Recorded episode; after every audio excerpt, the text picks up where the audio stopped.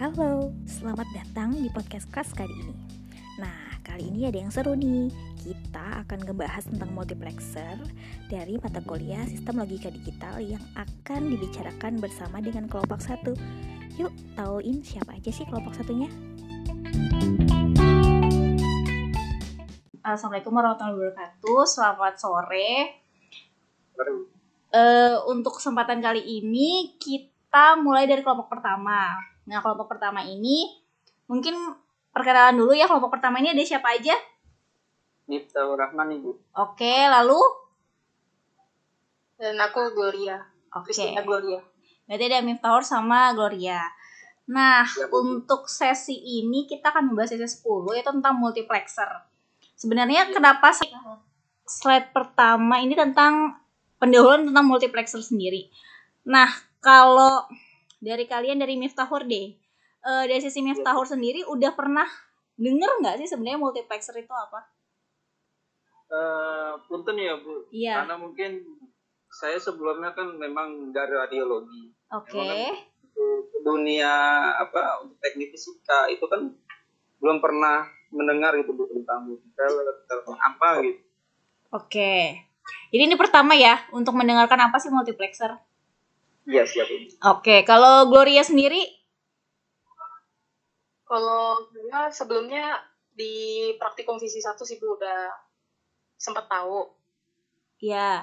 Iya. Nah, jadi eh, dari tata bahasanya Kalau multi ya. ini, Heeh. Gimana kalau yang di dari ini gimana kalau pada saat visi satu? Kalau di visi satu ini sih eh, yang pengertian yang saya pahami kalau multiplexer itu eh, ada tiga komponen eh, Oke. utama kayak ada input, pengendali, sama eh, output.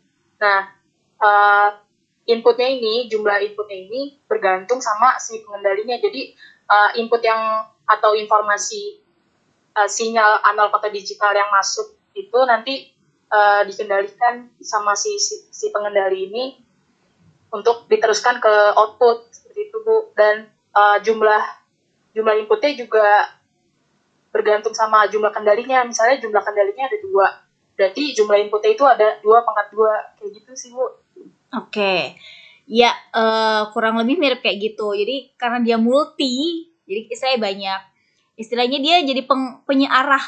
Jadi apa-apa yang masuk akan disearahkan untuk dikeluarkan sesuai dengan input yang diinginkan.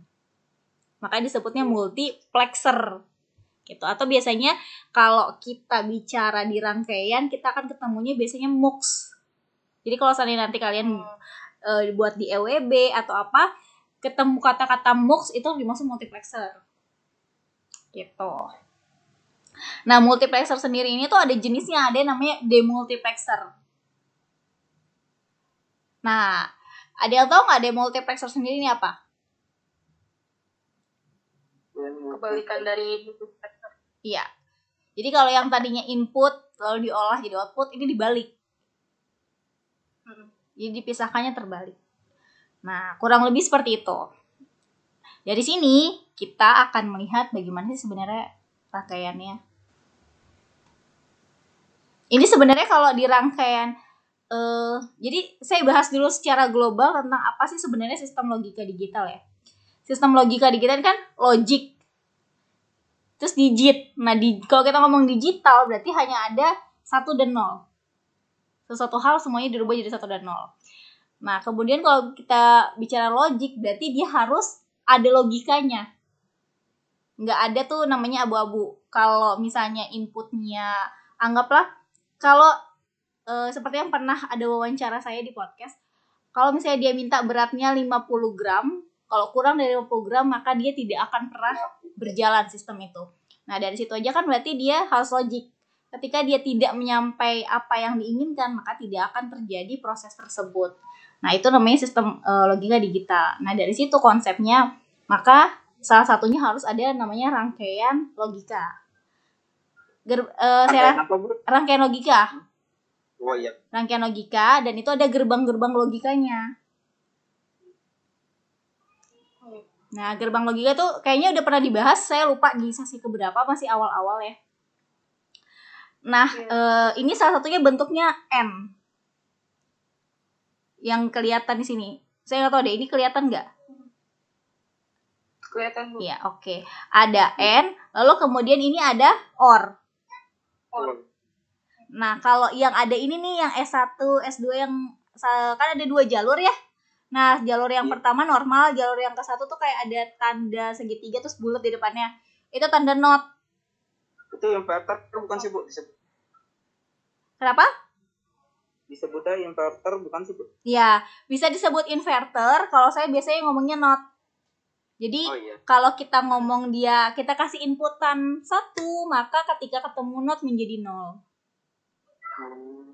Hmm, kurang lebih kayak gitu. Nah ini adalah Jadi setiap ada ya not itu maka nilainya nol gitu enggak kebalikan dari inputan.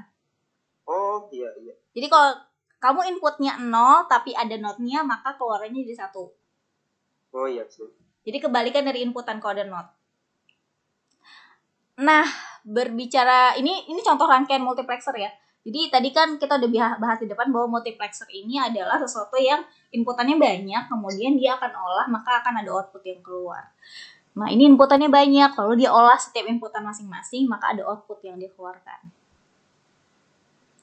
Dari sini sudah ada gambaran ya? iya. Oke. Lanjut. Nah, demultiplexer tadi udah dibahas di depan kebalikan. Sebuah input dan menyebarkan ke beberapa output. Nah, kalau tadi eh, inputnya banyak, outputnya satu. Kalau ini inputnya satu, outputnya jadi banyak. Nah, contohnya adalah seperti berikut. Ada beberapa. Dari sini bisa dipahami ya antara multiplexer sama demultiplexer dulu.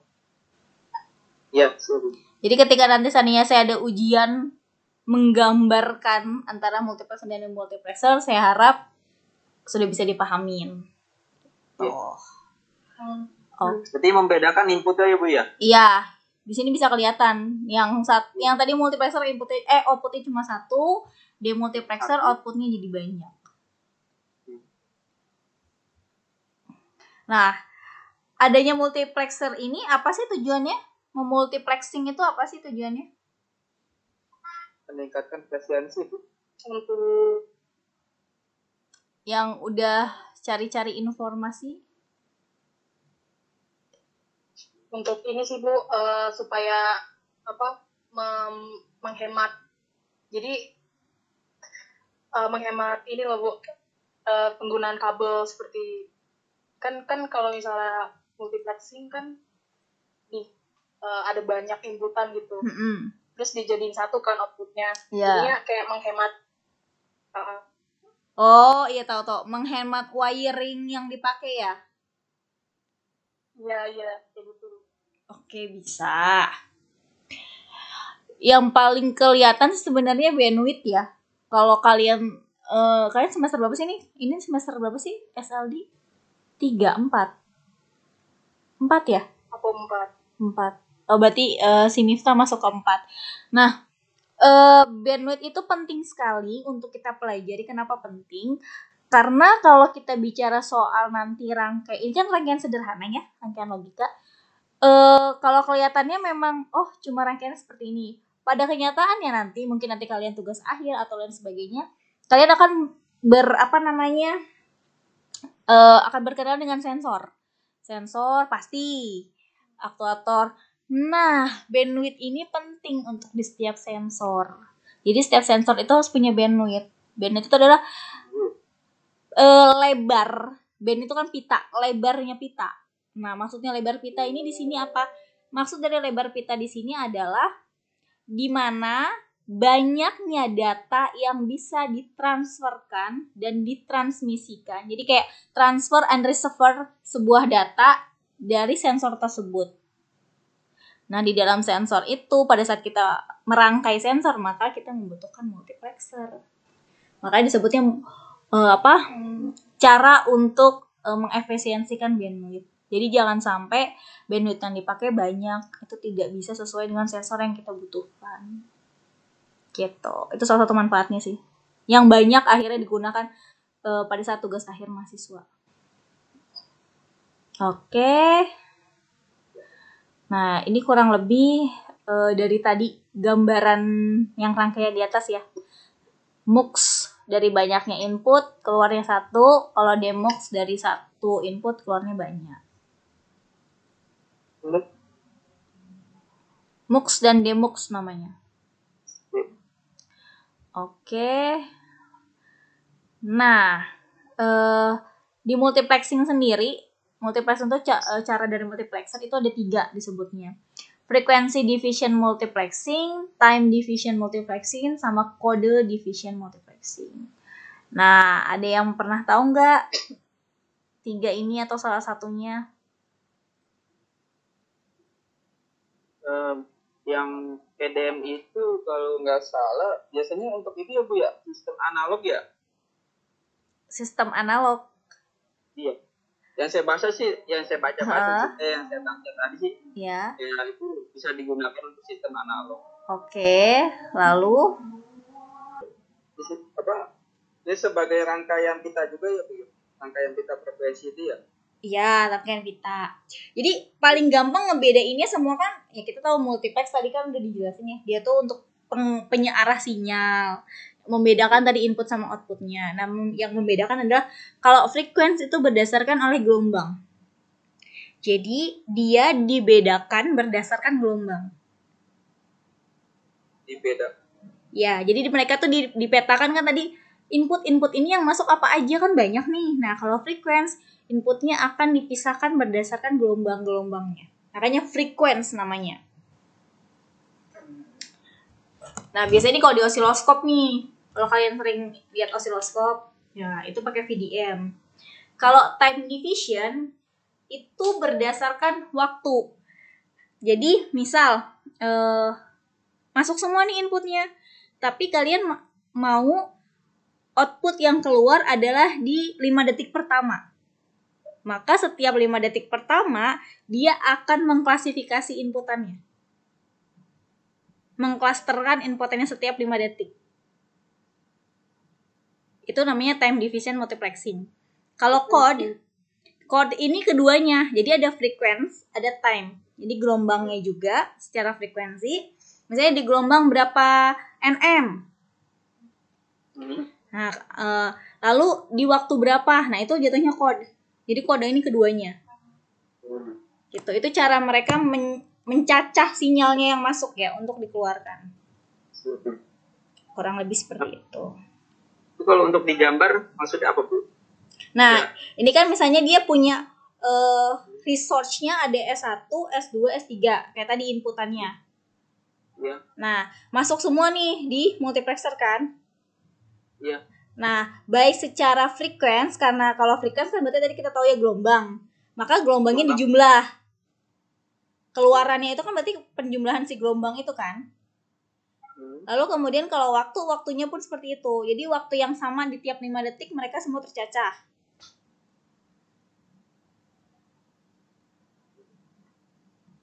Nah, kalau CDM kode berarti keduanya. Frekuensinya iya, waktunya juga iya. Biasanya pakai kode dia jadi modelnya. Gitu. Tapi FDM, FDM sama CDM itu sampai sekarang masih digunakan ya, Bu? Apa? Gimana? Yang uh, ketiga tadi yang sudah ibu sebutkan, yang FDM, TDM, dan CDM itu iya. sampai sampai saat ini masih digunakan. Uh, digunakan maksudnya kalau untuk uh, pembelajaran digunakan. Kalau terakhir itu dipakai TA yang frekuensi sama time. Ada salah satu mahasiswa bimbingan saya menggunakan ini. Kalau frekuensi biasanya kita ngomongnya uh, apa namanya filter frekuensi tinggi atau filter frekuensi rendah saya lupa bahasa Inggrisnya apa ya nah itu biasanya di MATLAB ada jadi frekuensinya low filter. ya low pass filter low pass filter sama high pass filter yeah.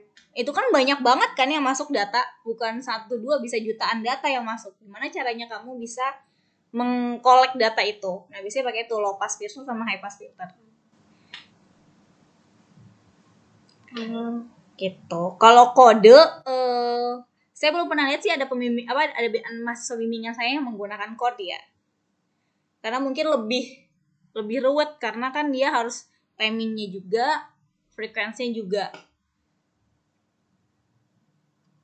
Siap. Ya ini hampir sama sih eh, dari gambar yang tadi juga. Nah ini contoh sederhana banget. Untuk yang dari time ya. Kayak salah satunya ya yang di ponsel. Kan tadi eh, apa namanya eh, ponsel itu kan pakai gelombang tapi kan pakai waktu juga. Lalu keterimanya ke dalam bentuk ponsel juga. Jadi yang masuk berapa kemudian diolah down eh, downlink si- eh, side-nya juga dalam bentuk yang sama. Cellular network. Kalau zaman dulu kalian saya nggak tahu deh. Eh kayak zaman sekarang sih udah nggak ada ya.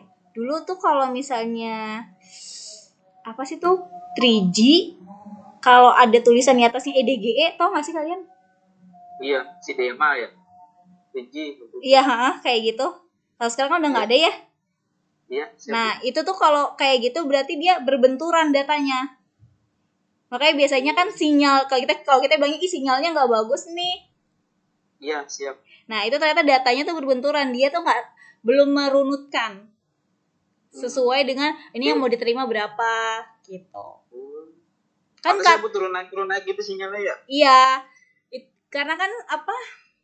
Apa sih namanya kalau saya ngomongnya? Eh kalau kita misalnya contoh ngirim message itu kan eh bentukannya kan jadinya frequency. Ya siap. si kata-kata yang kita tulis di dalam message kan bentuknya frequency dan bentuknya kode dikirimnya.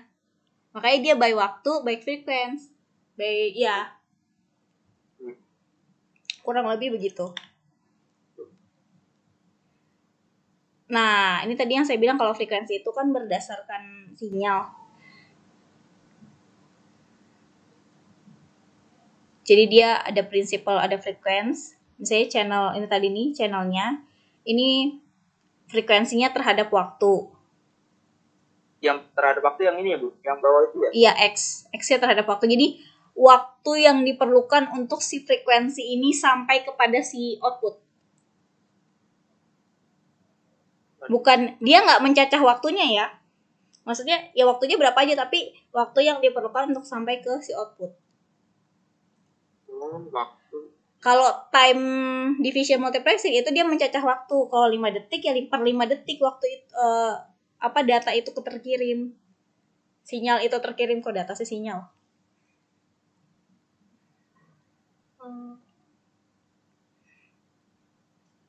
nah ini salah satu hierarkinya satu channel kurang lagi 4 kHz frekuensi yang dibutuhkan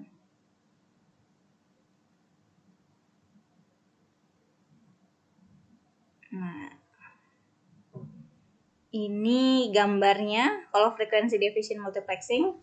Kalau MUX masuknya seperti ini, lalu kalau di MUX kebalikannya.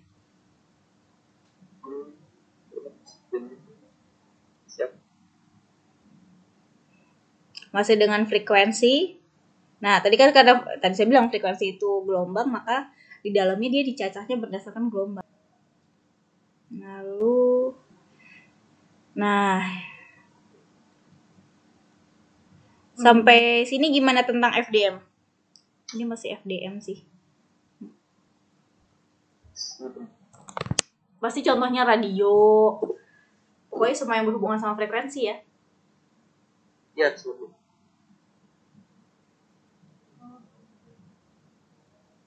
TV juga.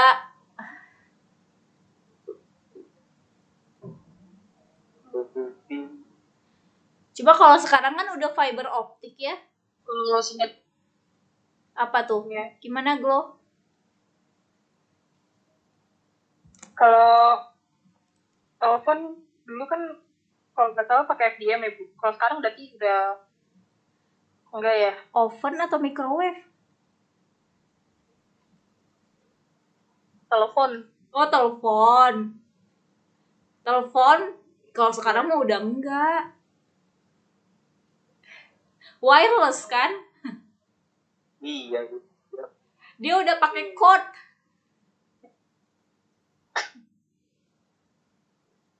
Apalagi udah 5G.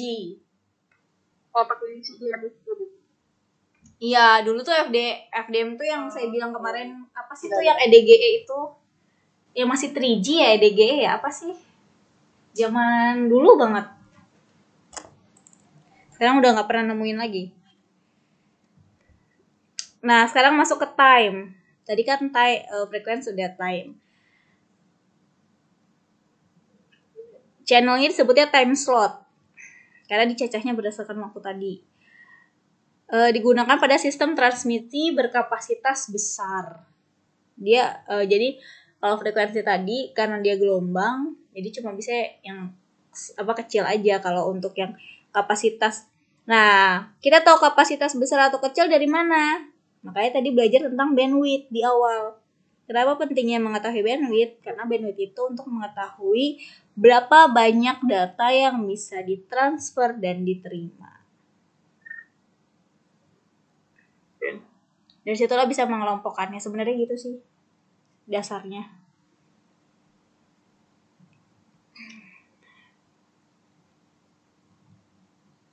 Nah kalau TDM ini jadinya? yang besar dan kecil tuh biasanya berapa bu? jadi misalnya gini uh, dia mengirim data 2 kilobyte per second.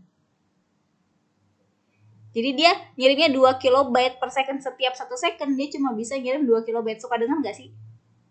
KBS, MBPS. Nah, itu kapasitas. Kayak kecepatan internet gitu ya. Iya, itu kapasitas byte. Itu kan dia pasti selalu per second.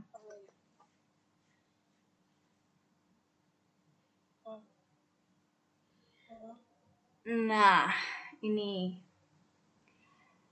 prinsipnya penggiliran waktu.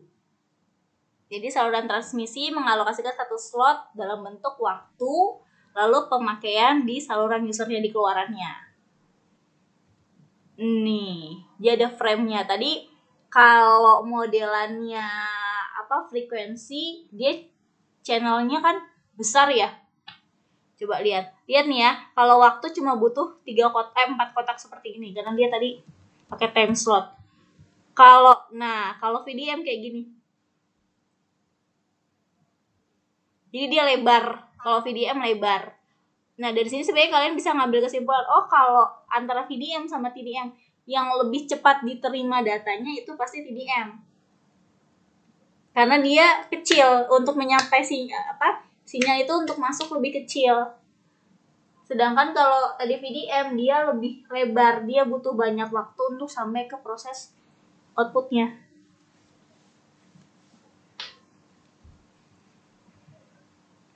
Nah, dia modelnya kayak gini nih. Tadi kan kalau frekuensi naik, baru dia turun kan. Jadi karena gelombang, dia arah rambatnya itu lebih lambat. Sedangkan kalau waktu, dia langsung kurang lebih frame-nya seperti ini sih.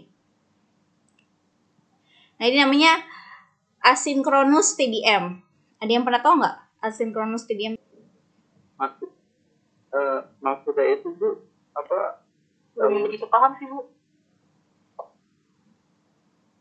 Yang time ya. Jadi misalnya kan tadi dia tuh selalu punya empat channel. iya Nah, eh channel ini empat partnya belum tentu empat partnya itu keisi. Kalau gelombang itu merambat kan? Pahami dulu. Oh, ini ada sinyal masuk karena dia bentuknya dicacah berdasarkan gelombang, otomatis dia akan merambat. Jadi kayak Lambat. kayak satu sinusoida, satu diskrit gitu loh. Time ini anggaplah kamu anggap dulu kayak diskrit. Jadi misalnya 5 detik pertama dia masuk ke slot 1. Nah, terus kalau misalnya 5 detik berikutnya berarti kan di detik ke-10 nih. slot kedua ya Bu? Ya. Nah, kalau kamu nggak masukin ke detik ke-10, berarti kan detik ke-10 ini atau kolom kedua si 5 detik ini kan kosong kan? Bisa dipahami nggak?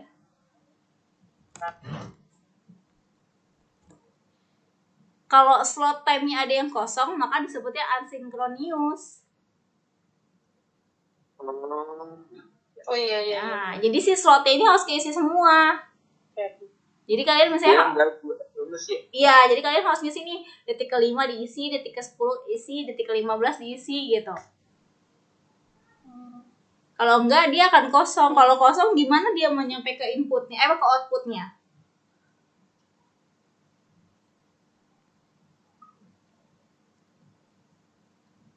Kalau gelombang tadi enak Bu, dia merambat. Gimana gimana?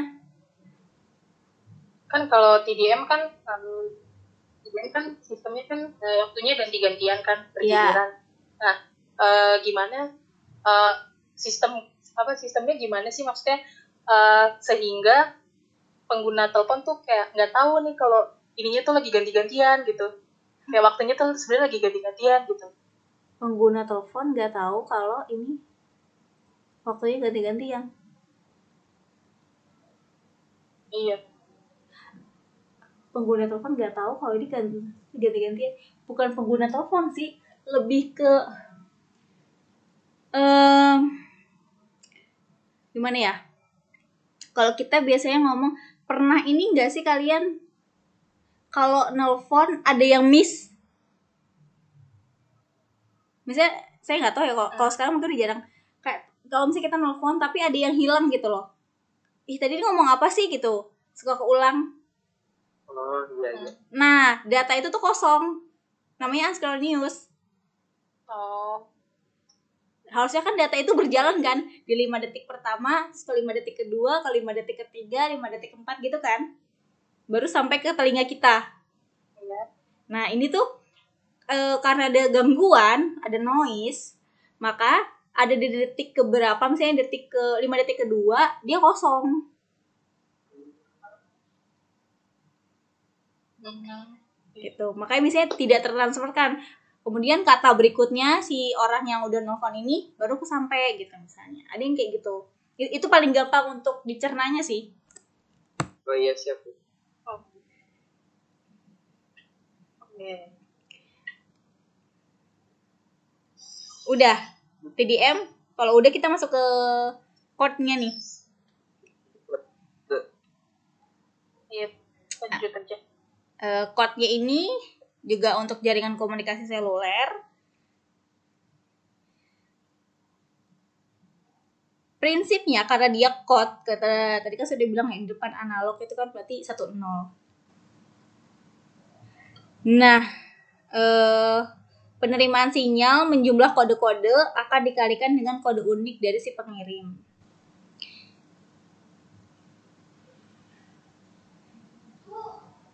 Dia tuh ngasih contoh kayak misalnya ada satu representasi kode chip lalu kemudian ada inverse code dengan nilai bitnya 0 jadi istilahnya kalau dia tuh pakai kode-kode gitu kan kalau tadi pakai sinyal pakai waktu. Kalau dia pakai code code-nya inilah yang merepresentasikan eh, si frekuensi sama si waktu yang digunakan.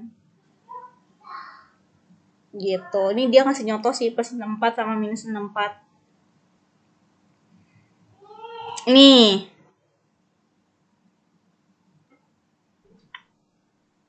Kode 8 bit lumayan mahamin nggak yang kode ini belum kalau saya malah lebih suka kode karena buat saya lebih gampang hmm. Kenapa? Maksudnya kalau kode tuh eh langsung aja kita kasih tahu, oh eh, saya buat nih jaringan, kodenya sekian. Nah otomatis si sinyal yang masuk yang bukan dengan kode itu, maka dia nggak akan bisa sampai ke output. selain tutup Iya, jadi nih dia mengilang mengirim bit satu. Nah bit satunya itu kan berarti harus dengan kode yang dibuat sih buat A ini. Ketika dia nggak nggak memasukkan kode ini, maka dia nggak bisa tertransfer.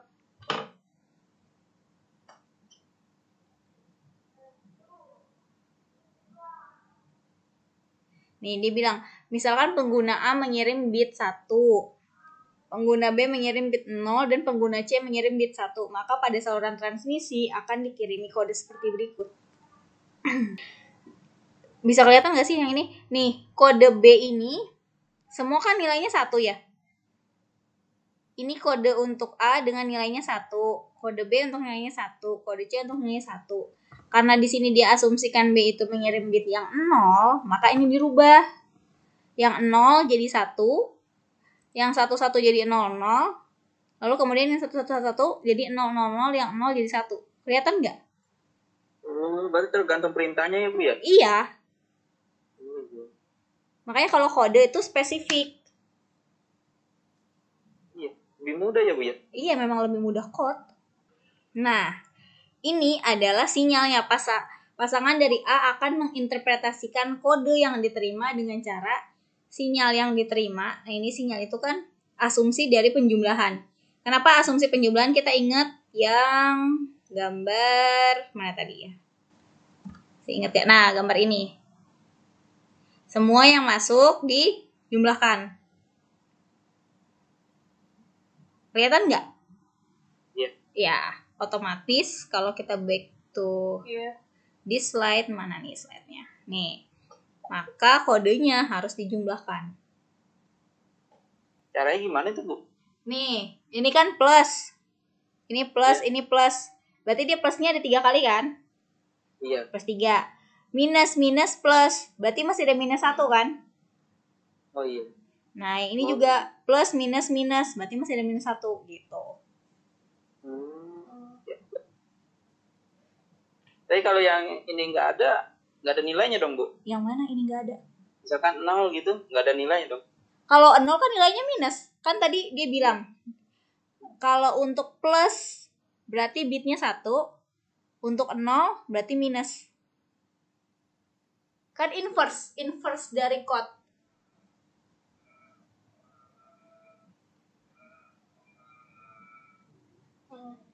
Gimana? Bisa? Ya sih. Oke. Nah, ini dia coba memasangkan, menginterpretasikan kode yang diterima dari sinyal yang diterima. Berarti kan sinyal itu keluarannya ya. Sinyal yang diterima kan sinyal keluaran dari output ya. Berarti kan penjumlahan tadi tuh sama kode milik A. Kode milik A kan pasangan dari A. Lalu sama dia dikasih hasil perkalian produk. Kalau nggak salah saya di slide 2 atau slide 1, slide 3 saya lupa slide awal tuh ngomongin soal perkalian, penjumlahan. Nanti bisa merujuk ke sana lagi sih sebenarnya.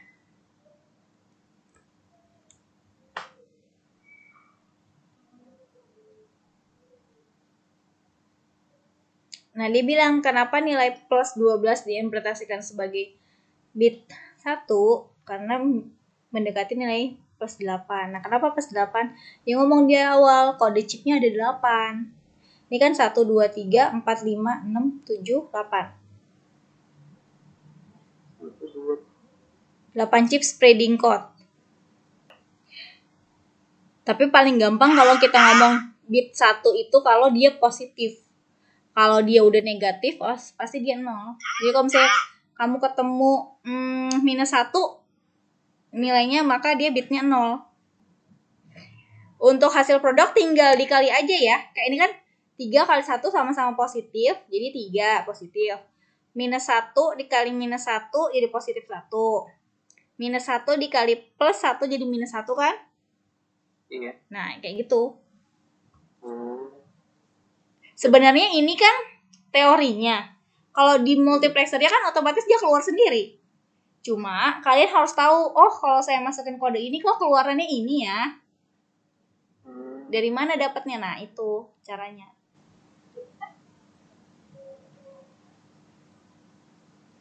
Nah, the last slide. Ini buat yang B-nya. Tadi kan yang A, ini yang B. Nah, karena dia minus, maka dia 0. Paling gampang dilihat itu aja. Kalau dia plus, dia 1. Kalau dia minus, dia 0. Hmm. Ya, siap, Bu. siap. Oke. Nah, dari sini tentang multiplexer sama demultiplexer apa yang bisa kalian konklusikan? Kesimpulannya apa nih? Boleh? Ah, ya boleh bu. Jadi kalau uh, multiplexer itu dia merupakan uh, suara saya delay nggak? Enggak. Oke, jadi uh, kalau kalau multiplexer itu uh, merupakan uh, gabungan gabungan dari beberapa sinyal masukan yang kemudian itu dikendalikan oleh sistem pengendali untuk diteruskan ke output. Sedangkan kalau demultiplexer itu kebalikan dari multiplexer, di mana uh, demultiplexer itu ya dia menerima uh, satu sinyal input untuk diteruskan ke uh, di, di distribu atau bahasa lainnya didistribusikan ke output gitu. Jadi ada dia punya beberapa output seperti itu. Oke. Okay. Kalau dari saya udah bu. Cukup. Jadi Miftah gimana? Cukup bu. Cukup? Iya siap. Nah oke. Okay. Uh, berarti uh, untuk multiplexer sesi 10 done ya? Siap. Bisa dipahami ya? Oke, kalau kayak gitu uh, saya close. Terima kasih untuk sesi 10 kali ini untuk kelompok 1.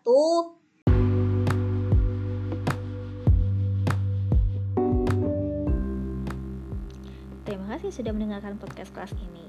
Sampai jumpa di episode berikutnya ya.